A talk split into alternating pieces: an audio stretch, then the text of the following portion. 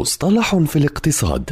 في كل حلقة يطرح المدون وصانع المحتوى الاقتصادي مجد النوري مصطلحا اقتصاديا محددا بلغة سهلة وبسيطة.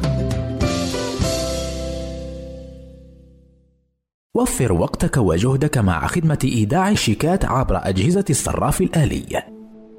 التفاوت في الثروة يسمى أيضا بفجوة الثروات وهو مصطلح اقتصادي يشير إلى التوزيع غير العادل للأصول ذات القيمة بين الأفراد. ومن أمثلة هذا التفاوت الأصول والسندات والعقارات والأجور والسيارات والمجوهرات.